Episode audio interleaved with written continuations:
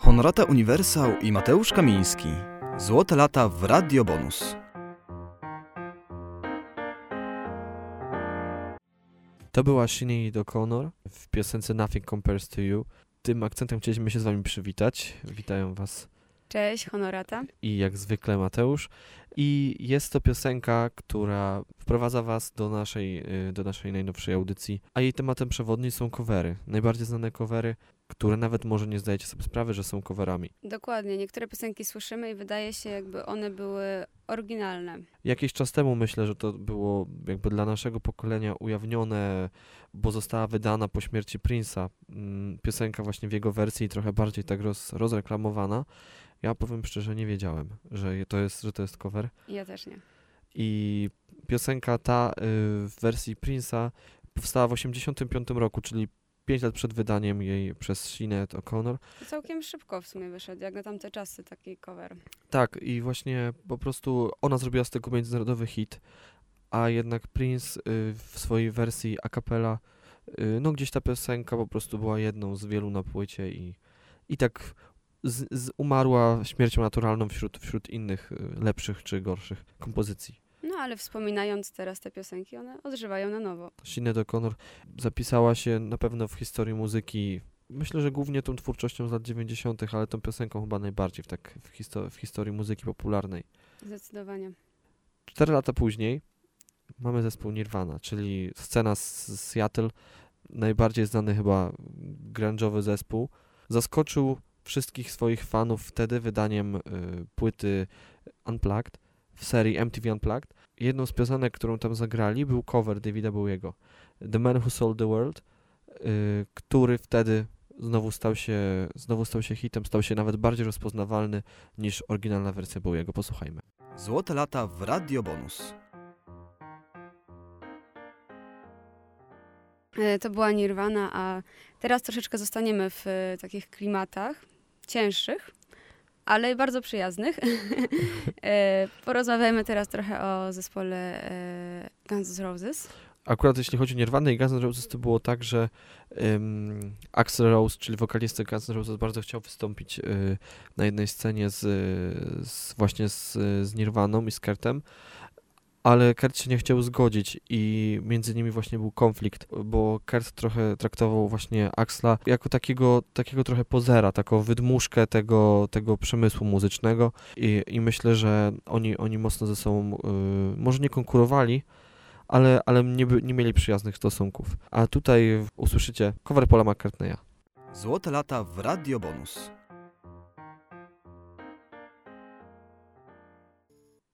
To było Live and Let Die w wersji Guns N' Roses, w wersji mocno hard rockowej.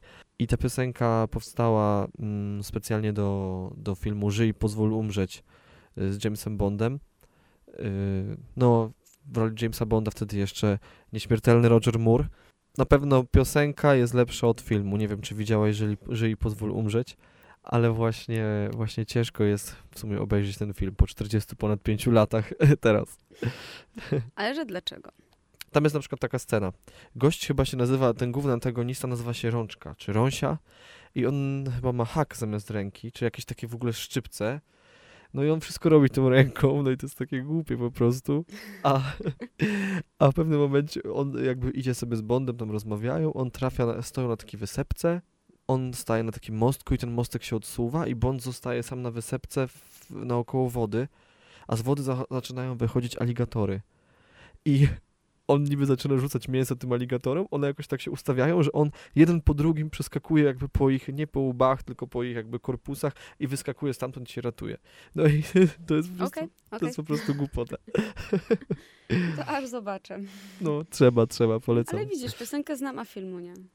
No, bo e, myślę, że myślę, że ta piosenka no, jest po prostu mocniejsza od samego filmu, a jednak Bond poszedł e, w taką stronę bardziej z tej szpiegowskiej, poszedł w taką, potem te filmy w latach 70. były dosyć słabe, na początku lat 80., no ale teraz znowu jest renesans Bonda i, i to są filmy naprawdę z najwyższej półki, filmy akcji. Paul McCartney chyba był nominowany do Oscara za tę piosenkę, ale to jest kawał dobrej muzyki. Tu robił y, orkiestrację do tej piosenki, George Martin, który wyprodukował prawie wszystkie płyty Beatlesów, także to był jeszcze ten, y, jeszcze troszkę taki podmuch y, świeżości Beatlesów w tej piosence.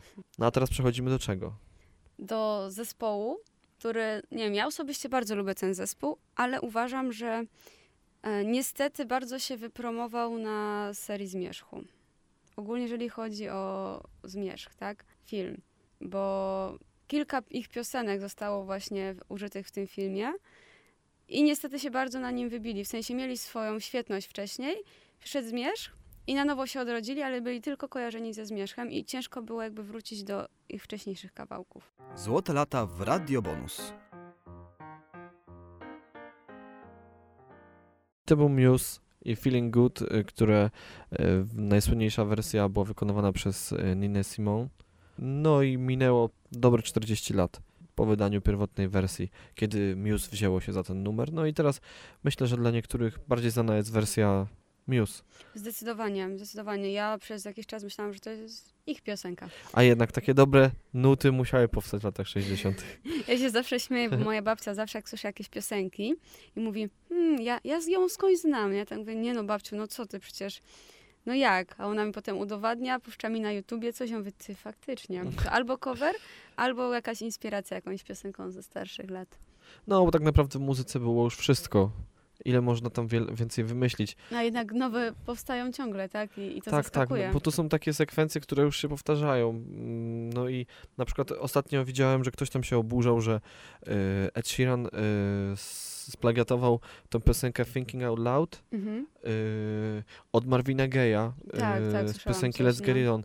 I tam ewidentnie jakby zwolnić tą piosenkę, ale to jest coś w stylu, zwolnić piosenkę, odwrócić w ogóle do tyłu, wyciągnąć stamtąd perkusję, wsadzić coś. No No to to już... To, zupełnie coś innego jest. tak, no to są jakieś nieświadome plagiaty albo jakieś nieświadome inspiracje, które gdzieś Ja bym zostają. to nazwała po prostu inspiracjami, bo plagiat to jest takie po prostu bierzesz świadomie od kogoś i nieznacznie coś możesz zmienić, żeby nie było, albo nawet zostawiasz tak samo i to już jest w No ogóle właśnie. przegięcie.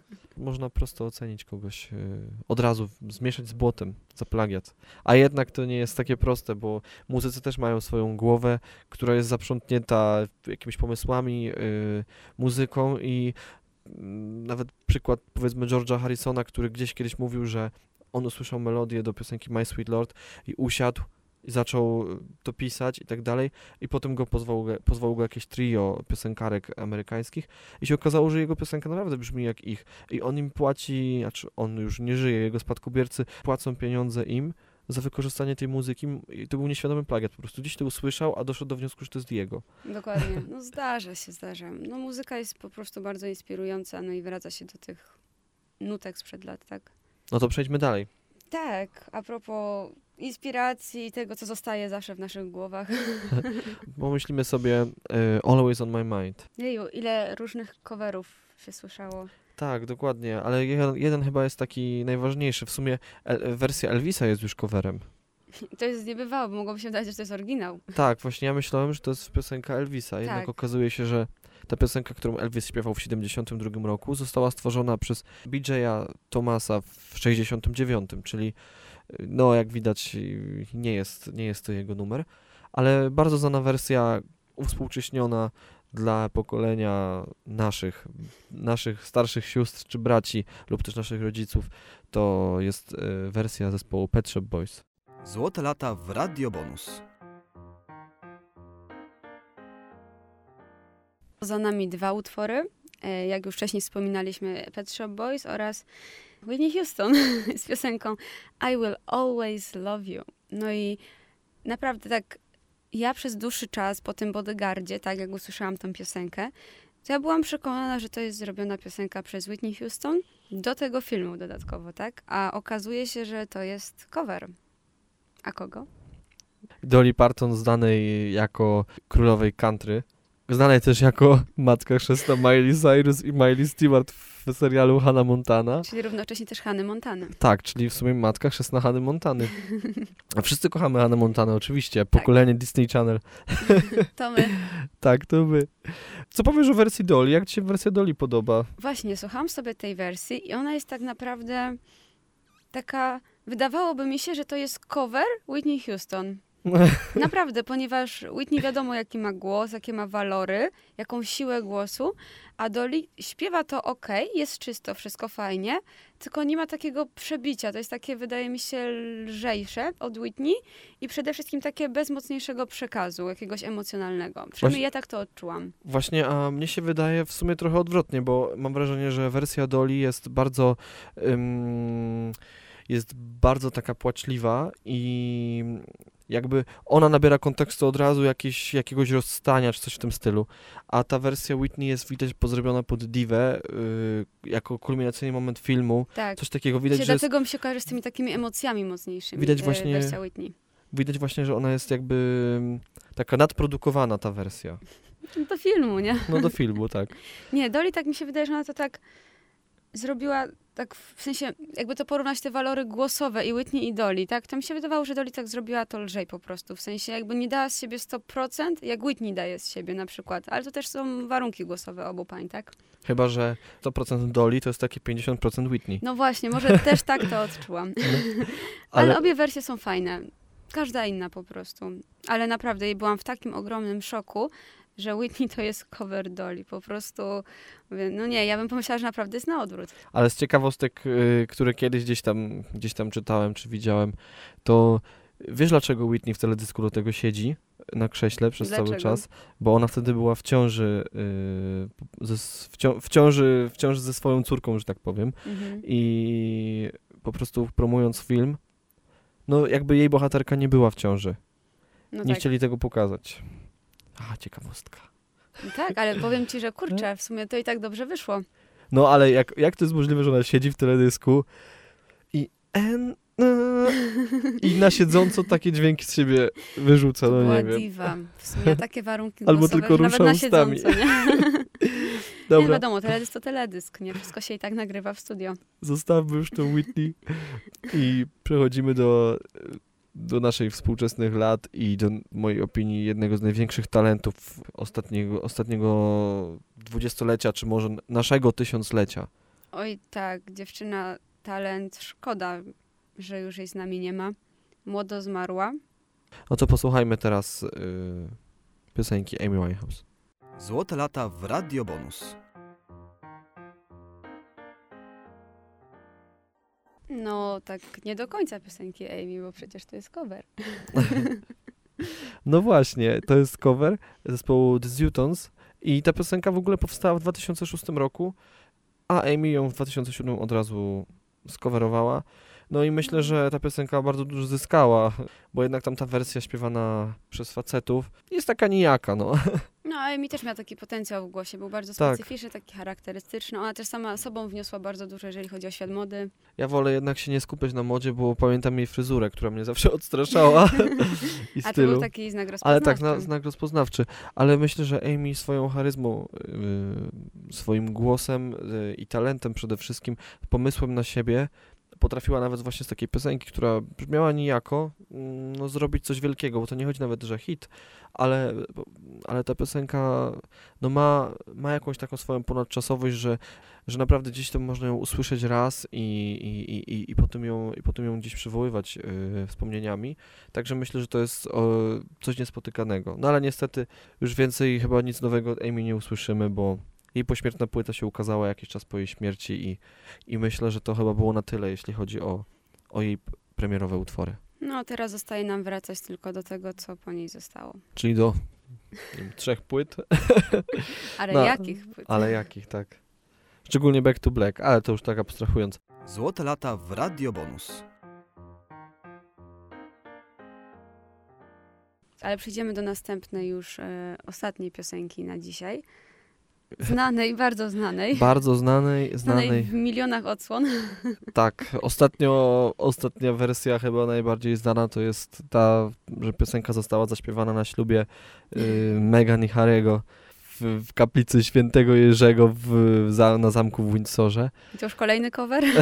tak, kolejny, ale my chcemy się skupić na, na jednak innym. Mowa tutaj oczywiście o Stand By Me, piosence Bena i Kinga.